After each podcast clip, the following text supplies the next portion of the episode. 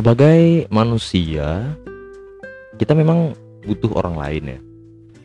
Baik itu orang tua pasangan tetangga teman bahkan.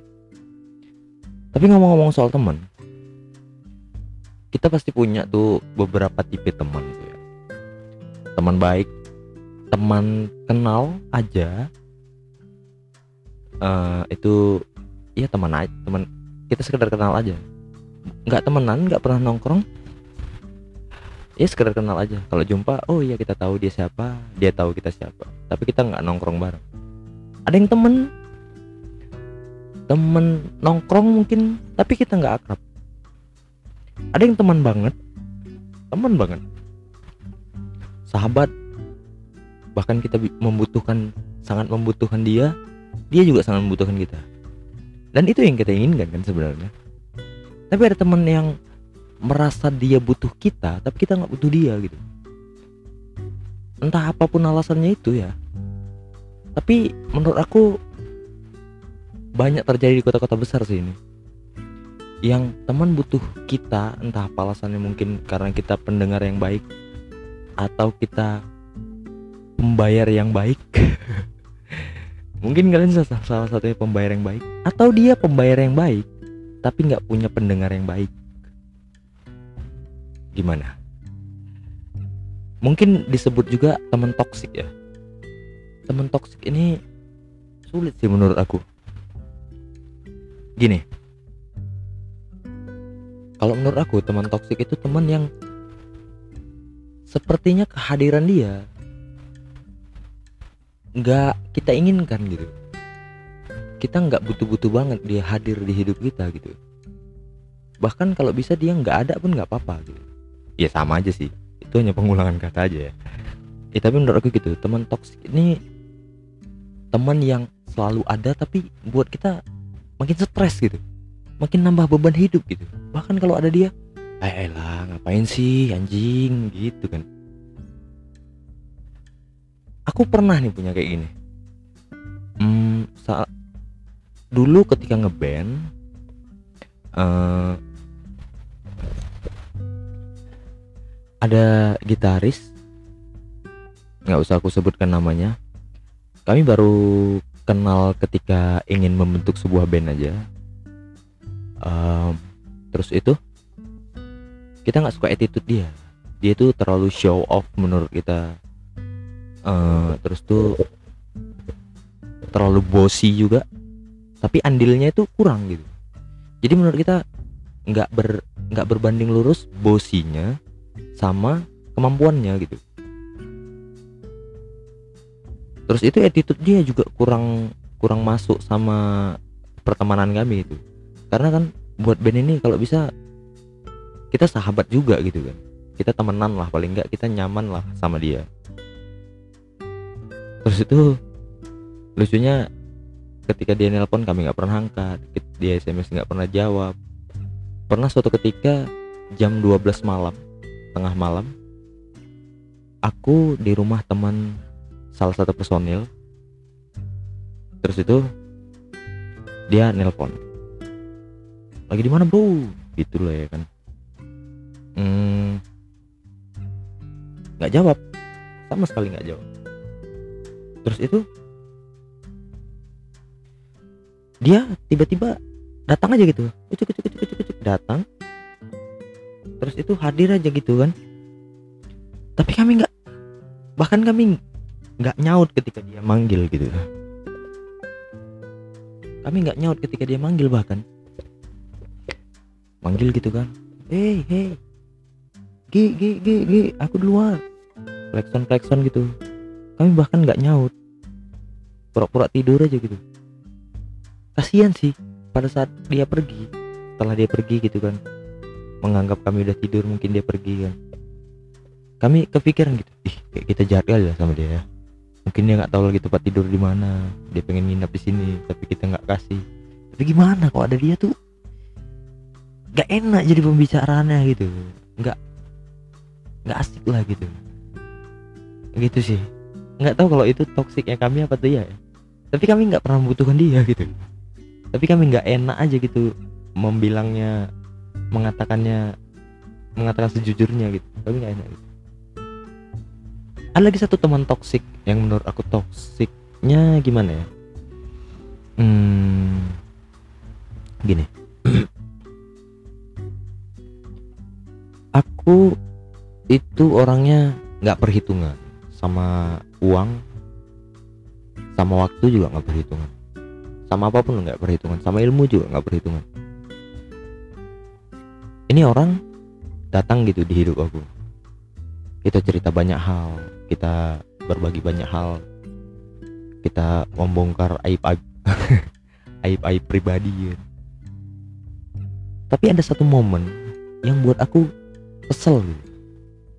dia selalu selalu bilang tuh kalau dia main tempat temannya rokoknya dihabisin gitu kan. Tapi kalau main tempat aku selalu rokok aku yang dihabisin gitu.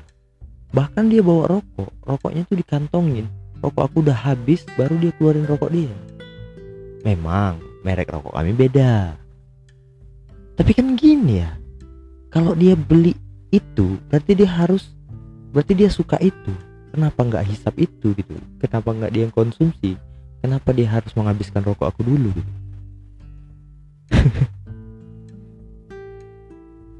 Nggak. Entah dia nggak ngerasa atau gimana ya tapi akhir-akhir ini kalau dia datang gitu kan aku selalu tuh nyisakan rokok di di kotak rokok aku tinggal dua batang. Sisanya aku simpan aja gitu di mana kayak ya nggak tahu dia kan. Awalnya aku nggak perhitungan sama sekali karena sikap dia kok gini nih anak ya? Lama-lama kok menghabiskan aku asal dia datang? Rokok aku habis di dia aja? Rokok dia kok nggak pernah keluar gitu? Eh pernah sih keluar. Pernah suatu ketika aku lagi nggak ada rokok tiba-tiba dia keluarin. Tapi sisa dua batang sisa dua batang. Emang sih rokok tapi kan pertemanan laki-laki kadang-kadang kan hanya dari rokok.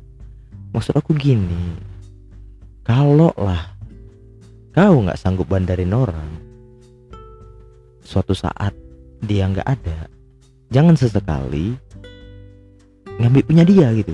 Jangan sekali minta sama dia gitu. Gini kalau aku ya kalau aku misalnya berteman gitu aku akan beli rokok yang mampu dan ku hisap sampai habis rokokku sendiri. Nggak akan mungkin aku hisap rokok dia ketika rokokku belum habis gitu. Gitu loh maksud aku. Terdengar aneh sih. Aneh nggak ya? Maksud gini aku beli rokok nih main ke tempat dia. Ya kan? Kan aku punya rokok. Rokok aku ada. Aku isi rokok aku dong. Udah habis nih rokok aku aku beli kalau aku ada uang. Kalau nggak ada uang aku minta dong aku minta satu ya. Dan itu biasanya aku nggak lebih dari dua gitu. Paling dua udah udah nggak mau lagi. Kalaupun harus dulu lama itu aku tahan aja nggak ngerokok gitu. Tapi ini kan kawan aku aneh gitu. Nggak aneh sih. Menurut aku kayak memanfaatkan aku lama-lama. Dia datang hajar rokok aku. Dia datang hajar rokok aku. Sampai habis baru rokok dia dikeluarinnya gitu. Kalau dia kalaupun dia oh nih ada satu cerita yang buat aku fix aku nggak mau lagi uh, aku akan ngerubah sikap aku lah fix keadaannya yang buat aku ngerubah keadaan eh yang buat aku ngerubah kelakuan aku nih. Ada satu momen aku lagi pengen ke gede rokok aku ada sebenarnya tapi ku simpan. Ku tinggalkan sebatang di kota. Karena dihisapnya habis dong. Baru dia keluarkan rokok dia. Tinggal sebatang juga. Habis dong. Habis oke? Okay. sama-sama nggak punya rokoknya. Aku ingin ke gede nih. Aku bilang boy mau beli rokok nggak? Saya beliin sekalian. Lah dikasih uang. Terus aku saranin gimana kalau kita beli rokok rokok yang aku gitu? Rokok yang aku pakai tapi kita setengah-setengah jadi kita bisa barengan. Oh nggak mau lah. Aku rokok aku aja. Sebungkus pak. Beli rokok sebungkus. Oke dia beli rokok sebungkus aku beli rokok setengah. Karena rokok aku setengah lebih mahal daripada rokok dia sebungkus gitu. Udah oke balik nih aku kan bawa rokok dua dia sebungkus aku setengah. Yang habis luan rokok aku. Yang habisin siapa? Dia. Kan anjing kan? Udah habis rokok aku. Ini bang rokok aku bang. Aku males lah. Sama sekali nggak bisa rokok dia. Karena menurut aku ya biar dia ngerti aja gitu. Semoga dia ngerti ya. Setelah itu ngerti gitu. hmm. tapi menurut aku gimana cara ngadepin orang kayak gitu? Itu itu masalah kayak gitu ya. Mungkin itu bisa dianalogikan dengan masalah-masalah lain. Misalnya kayak ada teman yang suka curhat tapi ketika kita curhat dia cuek gitu. Kalau menurut aku itu nggak toksik tapi dia memang bukan pendengar yang baik aja gitu. Dia bukan pendengar yang baik aja. Kalau menurut aku yang kita lakukan adalah jaga hubungan aja sih. Kita nggak harus terlalu dekat sama dia tapi jangan menjauhi dia juga. Sangat kontradiktif sih sama yang kulakukan ter pertama kali tadi. Tapi ya lah itu kan dulu remaja masih. Ya baru-baru tumbuh emosi juga masih nggak stabil kan. Jadi otak juga belum tumbuh sempurna kan. Aku sekarang kalau ada kayak gitu kita jaga hubungan aja. Jaga hubungan baik aja. Walaupun pura-pura nggak apa-apa. Paling nggak kita jaga hubungan aja. Karena aku yakin kadang-kadang ada satu dan lain hal yang peluang dari rezeki dari mana-mana gitu. ketika kita sedang sulit tiba-tiba tiba-tiba dia nawarin kerjaan kan kita nggak tahu. Gara-gara kita mutus hubungan ke orang ini terus kita nggak nggak menutup satu peluang kan? Itu sih menurut aku gitu. Tapi kalau kalian punya cerita teman toksik nggak terlalu banyak. Memang nggak terlalu banyak bahasin sih bahasan sih tentang teman toksik ini. Karena aku juga nggak punya banyak cerita tentang teman-teman seperti ini gitu. Cuman dua tadi itu itu pun nggak terlalu spesifik juga kadang-kadang aku nggak terlalu ambil pusing karena menurut aku aku nggak punya sahabat gitu. Sahabat sahabat aku tuh ya aku sendiri gitu. Aku bisa ngendaliin pikiran aku kapan aku harus kesel kapan aku harus seneng gitu. Kalau aku pengen seneng ya aku cari sosial media aku bisa seneng. Cari YouTube cari podcast aku bisa seneng gitu. Musik. Kalau aku sedang ingin cerita ya aku cerita di podcast. Udah tapi gitulah ya cerita singkat tentang teman toksik dan cara menghadapinya. Menurut aku sebaik-baiknya cara menghadapi teman toksik adalah jaga hubungan baik dan ya pandai-pandai lah kita mengambil sikap bagaimana harus kita hadap. Kalau kita udah bosan ngeladeninnya ya itu fake fake aja. Nggak apa-apa fake. Bohong demi kebaikan kita dan dia juga gitu. Kita jangan pokoknya jangan ngejauhin dia tapi jangan juga terlalu dekat aja gitu. Jaga hubungan aja jaga jarak jaga hubungan lah ya. Gitu aja kali ya. Sampai jumpa di episode selanjutnya. Bye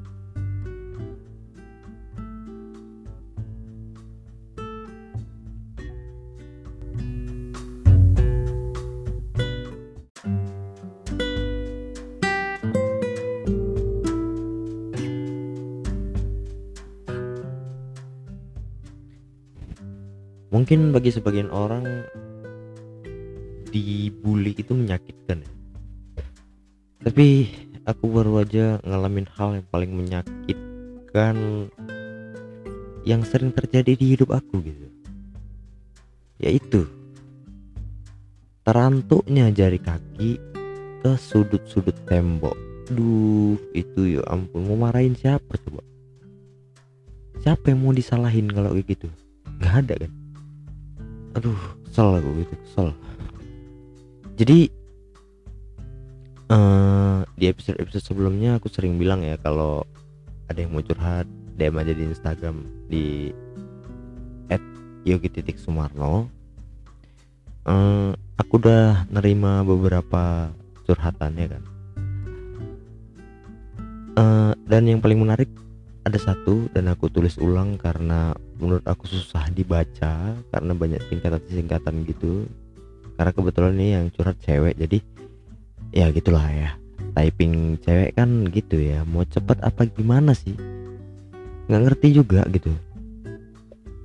Uh, aku susah bacanya takutnya nanti pas ketika bacain jadi salah arti kan. Jadi aku tulis dengan kata-kata yang bagus enggak enggak dengan kata-kata yang bagus. Maksud aku dengan kata-kata yang lebih lengkap dan nggak disingkat-singkat gitu ya. Oke. Hmm. tapi nanti takutnya dibilang orang eh podcast ini ikut-ikut Adriano Colby. Baca-bacain curhat. Tapi bodo amat lah ya. Cuman itu yang bisa kulakukan ya kan. Mau gimana lagi? Tapi selain jari kaki tadi yang terantuk hmm, sudut-sudut tembok ya kan semalam MU kalah 5-0 dari Liverpool gitu. Maksud aku gini itu mainnya kayak anjing gitu ya kan. Mainnya ih tai kali mainnya. Gak ada enak-enaknya nonton nonton nonton MU semalam tuh. Aku kan fans MU ya. Walaupun nggak dalam-dalam amat gitu. Sekedar suka nonton MU sekedar, sekedar dukung aja gitu. Suka aja gitu. Kalau misalnya pengen beli jersey ya pasti aku lebih milih jersey MU gitu. Daripada jersey klub Liga Inggris lainnya. Suka MU dari zaman Nistelrooy dipukulin sama punggawa Arsenal zaman Patrick Vieira kalian tahu? Ah itu dari situ aku mulai suka MU wow apa itu? Dan terus aku ngikutin sampai zamannya uh, Ronaldo, Cicarito sampai sekarang. Semalam kalah 5-0, babak pertama itu aja 4-0 anjing, anjing sakit, sakit. Itu mainnya kayak mana? Bisa-bisanya backnya nanti ah ngerti lah. Tapi ya Liverpool itu mainnya bagus. Menurut aku sebagai fans MU yang harusnya kesel, ya kesel memang, tapi so far sih aku terhibur sama pemain Liverpool jadinya hmm, maksud gini aku udah ada di titik nonton bola tuh dukung iya dukung. Tapi uh, secara general aku lebih suka entertainingnya gitu. Lebih suka bagaimana hiburannya secara keseluruhan gitu. Tapi semalam itu mainnya Liverpool. Ih anjing ngeri ngeri ngeri ngeri. Tapi MU buat jadi nggak ngeri karena jadi terlalu mudah gitu. Tapi kalau kalahnya dari satu kosong atau dua satu atau tiga satu tapi perlawanannya ketat. Itu nggak apa-apa gitu tapi Liverpool semalam kayak kayak ngelawan apa ya? Nggak ngerti aku kayak, kayak ngelawan. Aduh susah sih bilangnya. Sekelas MU gitu bisa kalah 5-0 anjing. Kali sakit kali sakit kali sakit sakit sakit sakit. Tapi Liverpool tuh menurut aku udah nurunkan tempo sejak babak kedua gitu. Nggak nggak nyerang sengotot itu lagi. Nggak nyerang sengotot itu lagi karena mungkin dia respect kali ya sama Ronaldo atau sama yang lainnya. Ronaldo juga mainnya emosi doang. Ya udahlah ya. Nggak ada lagi yang bisa dibanggain gitu untuk sekarang-sekarang nih. Tapi uh, uh, hiburan dari hatersnya MU juga lucu-lucu banget anjing anjing. Lucu gitu meme-memnya lucu kali. Tapi kabarnya uh, Ole Gunnar Solskjaer bakal dipecat ya. Ini per per beberapa jam lagi lagi meeting gitu. Uh, apa namanya? Hmm, lagi meeting petinggi-petinggi MU gitu ya untuk membicarakan masa depan Solskjaer. Tapi ya bodo amat lah ya. Kita langsung masuk aja ke curhat ya kan. Aku bacain ya. Uh, bang nama aku Rini. Jangan sebutin uh, nama Instagramnya. Oke okay. mungkin nama samaran ya. Bang nama aku Rini. Aku cewek usia 22 tahun. Saat ini kerja sebagai karyawan swasta. Aku sudah menikah, tapi aku gak punya anak. Aku tertekan dengan kehidupan sosialku.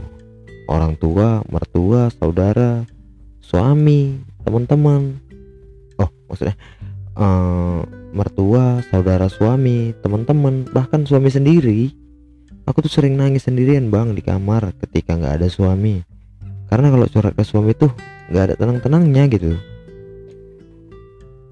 jawabannya singkat-singkat terus karena aku butuh lebih kami jadi sering berantem oh jadi demanding gitu ya mungkin si cewek ini love language-nya adalah eh, kata-kata gitu ya apa sih nama bahasa Inggrisnya lupa Hmm, jadi dia butuh uh, penenangan dengan kata-kata. Ya, ini tipe-tipe fansnya Mario Teguh, Golden Wish lah ya kan. Oke, lanjut ya. Jujur ya, aku pengen gitu ngomong. a- a- jujur ya, aku pengen gitu ngomong bayi. Lihat postingan teman-teman yang pada punya bayi itu bikin iri bang. Oh iya bener sih. Aku kan punya dua anak, jadi makin ke sini aku makin sadar postingan aku tuh dipantau sama teman-teman yang nggak punya anak. Pasti mereka juga mungkin juga aku bisa menyakitin hati mereka dengan postingan aku terlalu bahagia gitu ya. Tapi kan niat aku nggak itu gitu. Niat aku tuh hanya pengen nyimpen foto anak aja.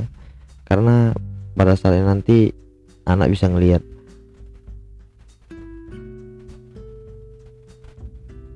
bisa ngelihat foto dia di masa kecilnya. Nggak kayak kita kan. Kita di mana coba nyari foto kita masa kita bayi? Nggak ada masa perkembangan kita. Kalau anak-anak kita nanti tuh bisa lihat gitu tuh eh, setiap bulan atau setiap eh, per tiga bulan kan ayah orang tuanya pasti ada posting gitu. Ya kalau nggak ada posting berarti dia nggak tahu ayah emaknya siapa lah gitu. oke oke sampai mana tadi oke nih kita lanjut ya Aku nggak tahu nih bang, siapa yang bermasalah dari segi medis, aku atau suami. Oh gitu, maksudnya siapa yang eh, nggak bisa menghasilkan anak gitu ya? Kalau cek, kalau ngajak cek, suami nggak pernah mau. Kalau menurut abang gimana ya? Aku harus menyikapin ini. Gimana ya? Aku harus menyikapin ini semua tentang aku, suami, keluarga, dan sebaiknya apa yang harus kulakukan ya? Makasih bang. Oke. Rini oke aku pertama kasih pandangan dulu ya pertama memang semua orang yang udah menikah pengen punya anak gitu apalagi kita lihat teman-teman kita yang udah pada punya anak gitu lucu gitu kan terus itu apalagi kita pengen juga kan hmm, ngasih nama anak gitu. Pengen juga ngelihat gimana garis keturunan kita mirip siapa gitu kan. Tapi menurut aku em, kalau untuk punya anak ada hal yang lebih mulia sih kalau memang misalnya nggak bisa gitu. Kan ada banyak anak yatim di luar sana mungkin juga ada yang bayi. Kamu bisa kali ngadopsinya. Kamu beri kasih sayang. Karena pada akhirnya anak itu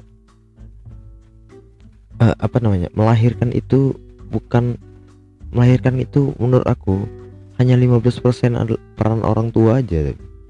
Sisanya peran orang tua itu membesarkannya. Gini maksud aku. Ini misalnya nih kau sama mamamu sekarang gitu kan sama orang tuamu sekarang orang tua mengaku Nak, sebenarnya kau bukan anak kami. Kau kami pungut dari umur dua hari, kami pungut sampai sebesar ini. Itu orang tuamu di sebelah sana, namanya si Anu misalnya kan. Kau mau nggak balik ke orang tuamu yang melahirkanmu itu? Mungkin kau akan respect aja sebagai orang yang melahirkan. Tapi aku yakin kau nggak mau balik gitu. Intinya gini, poin aku uh, membesarkan anak itu sesuatu yang uh, mulia gitu sesuatu yang membahagiakan gitu. Dan bakal itu yang dikenang anak kan. Anak tuh nggak sebenarnya nggak peduli. Orang dia juga nggak ingat kok gimana dia dilahirkan. Itu kan hanya glorifikasi kata-kata manis di Instagram aja. Tapi sebenarnya membesarkan anak itu yang paling penting kan? Uh, menurut aku gitu. Jadi kayaknya kau bisa lah uh, kalau tujuannya pengen punya anak adopsi aja gitu. Bicarakan aja baik-baik sama suami gitu kan. Ayo ya kita. Kayaknya untuk umur sekarang kayaknya berat kita untuk punya anak misalnya. Eh, tapi dua-dua masih bisa lah. Siapa tahu ya kan. tapi kadang-kadang ada tuh pemancing jangan putus asa gitu. Gas terus tumpahkan semua ke dalam. Jangan di luar luar kalau yang di luar masuk kan lagi. Nggak maksud aku gini uh, ya kalau kepengen banget gitu ya mumpung gini daripada nunggu nunggu nunggu ada baiknya kan ada tuh anak yatim yang nggak punya ayah nggak punya emak. Mungkin ada orang-orang gila yang di pinggir jalan itu terus tuh diperkosa orang. Kan kasihan tuh anak bayinya. Dia kan gila. Gimana coba pernah kan kalian dengar cerita itu kan? Itu anaknya itu kadang-kadang dikutip di di dipungut sama panti asuhan sama uh, panti sosial gitu-gitu. Itu kasihan. Bisa kamu bisa gitu meringankan beban uh, yayasan-yayasan itu dengan mengadopsinya. Ya dengan cara yang yang sesuai dengan cara yang prosedur yang benar lah ya. Terus itu ya kalau udah kayak gitu kamu tanggung jawab lah sampai besar. Dan anggap anak sendiri aja. Tapi aku yakin lah kalau dari bayi gitu uh, kamu rawat kamu ngerasakan kamu uh, menghadapin dia sakit menghadapin dia perkembangan dia dari hari ke hari kamu pasti bakal uh, ngerasain itu anak kamu sendiri darah daging kamu. Karena kan kamu juga dari kerja keras kamu juga yang ngasih makan dia membesarkan dia kan. Terus itu gitu maksud aku itu yang yang yang poinnya uh, ya kalau misalnya nggak punya anak ya udah ada solusinya itu gitu. Tentang kamu kamu nggak usah khawatir nggak usah mikirin uh, omongan orang gitu ya. Gini kan manusia itu nggak semuanya sama nggak semuanya nggak semuanya punya rezeki yang sama. Mungkin gini mungkin ketika kamu nggak punya anak atau kamu dan suami kamu nggak punya anak sekarang? Dan kamu ngadopsi anak uh, anak orang lain gitu kan? Mungkin rezeki kamu nggak di anak dari rahim kamu mungkin di anak orang gitu. Positif tinggi aja kan? Bisa jadi nanti setelah ngadopsi karir makin bagus kan gitu. Ya gini kalau misalnya kamu takut iya nanti kalau aku mati siapa yang doain aku? Siapa? Dari mana ambil jari aku? Ya kalau kamu ngasih makan anak yatim kan? Kamu di, udah dijanjiin sama Tuhan dapat rezeki yang lebih gitu. Berlipat-lipat ganda. Nanti kalau ada rezeki lebih bangun aja masjid atau wakafkan aja sebagian harta ke tempat-tempat ibadah kamu gitu. Harta yang bermanfaat untuk orang banyak kan itu turut andil untuk doain kita ketika kita mati. Uh, tentang suami ya. Suami yang yang kalau diajak curhat tuh cuek. Aku tahu nih. Aku paham karena aku laki-laki kan. Ada ada memang tipe laki-laki yang gak mau banyak omong gitu. Tapi percayalah dia itu juga tertekan di lingkungan sosialitanya gitu laki-laki itu lebih pedes gitu. Misalnya nih ini aku pernah punya cerita nih. Dulu waktu punya teman kerja yang nggak punya anak juga udah bapak-bapak udah tua mungkin umurnya 52 tahun gitu kan. Dia nggak punya anak tuh. Di sebelah mejanya ada yang masih muda umur sekitar 40-an atau 30-an sekian anaknya 10 gitu jadi yang nggak punya anak ini asik diajain sama abang-abang ini yang nggak punya yang punya anak banyak ini. Wow alah. Buat anak nggak bisa nggak usah cakap pak itu sakit loh menurut aku. Ini keadaan yang sulit kita ubah tapi kita diceng-cengin. Itu sakit. Maksudnya gini kalau misalnya aku dibilang nih ya elah Ogi karir kok mentok di situ aja Gi. Podcastmu gak akan berkembang. Aku bisa terima karena eh aku bisa sabar karena aku masih bisa berusaha untuk mengubah keadaan. Nah kalau keadaan yang kita nggak tahu itu bisa kita ubah apa enggak? Itu gimana kita? Pasti sakit hati kan? Nah laki-laki itu lebih parah gitu. Bisa kadang-kadang dibilang iya titit kok nggak hidup sih? Iya titit kok lembek. Itu lebih sakit gitu. Artinya laki-laki itu nggak suka diperlakukan nggak berguna gitu. Mungkin dia juga stres gitu ada baiknya gitu. Coba kamu uh, ajak bicara tentang perasaan dia menghadapi sosialitanya dulu. Jadi kalau kamu mengharap menyebabkan dia bicara banyak kamu banyak bertanya dulu uh, pancing dia untuk bicara tentang dia menghadapin hal yang sama dulu. Baru nanti kamu cerita baru nanti saling cerita gitu kan dan kalau dia masih emang modelnya kayak gitu ya udahlah modelnya kayak gitu. Kamu cari tempat curhat lain aja gitu. Teman misalnya hmm, cari teman yang nggak terlalu toksik lah. Kalau keluarga ya gitu tadi. Keluarga tuh emang susah ya. Memang ada tipe-tipe keluarga yang lebih lebih ini. Kita kadang-kadang nggak butuh dia aja gitu kayaknya setelah uh, hidup berbarengan bertahun-tahun gitu tapi setelah berpisah karena sama-sama menikah terus tuh ketemu lagi kok gini ya gitu kan.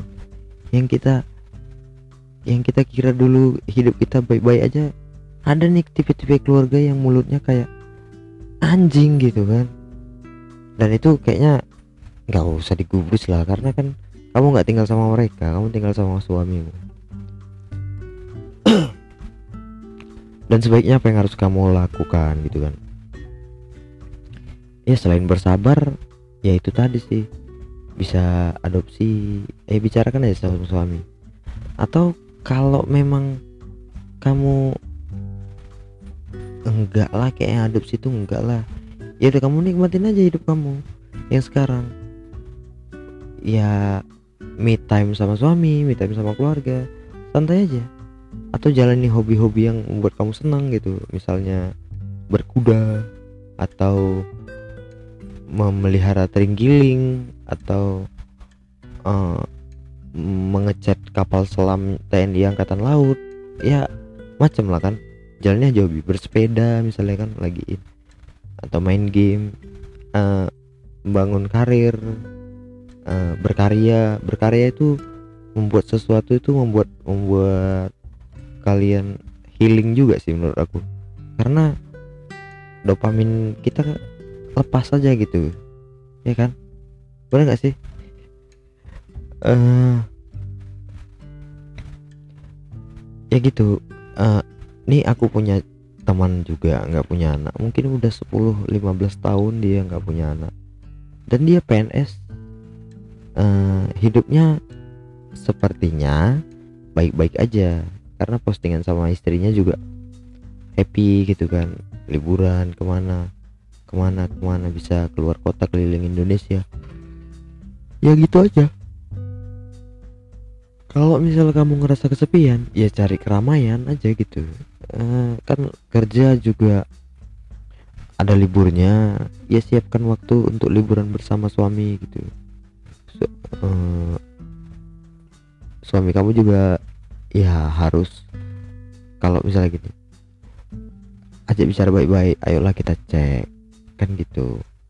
Aku nggak akan nyalahkan kau ketika kamu yang nggak bisa gitu bilang gitu kan. Ayolah bang cek bang kita bang. Biar kita nggak penasaran gitu misalnya kau yang bermasalah aku juga nggak nuntut apa apa ya udah kita bisa bicarain baik-baik. Gimana kita menghadapi uh, uh, pernikahan kita sampai kita mati gitu. Misalnya kalau misalnya kalau kau yang bermasalah dan kalau kau mau adopsi ya kita adopsi. Kalau kamu ke, adopsi ya kita bisa cari keramaian kita liburan kita ke mana gitu. Tapi kalau aku yang bermasalah nah ini nih.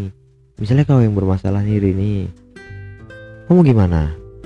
Mau merelakan suamimu bikin anak tempat yang lain atau adopsi. Nah gitu kok jadi bisa adil kan? Kalau misalnya suamimu yang bermasalah kamu nggak apa-apa kamu yang bermasalah suami ya harusnya nggak apa-apa gitu. Harusnya nggak apa-apa. Mungkin kamu takut suami suamimu selingkuh gitu kan? Ke cewek lain gitu kan? Dari ceritanya yang suamimu yang jawabnya singkat-singkat aja? Kemungkinan sih iya. Enggak ya mudah-mudahan enggak. Tapi enggak enggak enggak. Laki-laki itu kadang-kadang masalahnya itu dia nggak bisa selesaikan di luar akhirnya terbawa-bawa ke dalam gitu. Karena apa? Karena dia susah menceritakan kesedihan gitu susah menceritakan kelamnya hidup dia di luar sana ke perempuan gitu beda ketika dia PDKT atau pacaran itu karena dia caper aja. Caper. Dia melakukan segala cara untuk mendapatkan cinta perempuan. Ketika udah nikah kita nggak suka menceritakan uh, kesakitan yang kita alamin di luar sana. Karena menurut menurut kita kita nanti jadi bapak-bapak yang gak guna gitu kan kayaknya aku udah nguap beberapa kali dalam satu episode ini. Tumben kali ya. Iya, iya. Jadi gitu ya hari ini. Semoga di tahun-tahun berikutnya kamu akan mendapatkan kabar baik atau mendapatkan solusi yang lebih uh, baik dari ini. Atau aku pengen gitu suatu saat nanti kamu nge-DM aku bang akhirnya aku hamil gitu baik dengan suami sekarang atau dengan suami yang lain gitu kan. Maksudnya suami kamu yang berikutnya gitu. Ya, gimana sih? Ya udah kali ya makin ngelantur. Sorry ya kalau ada salah-salah kata. Kalau ada yang mau sudah juga silahkan DM ke Instagram aja di @yogi titik sumarno. Bye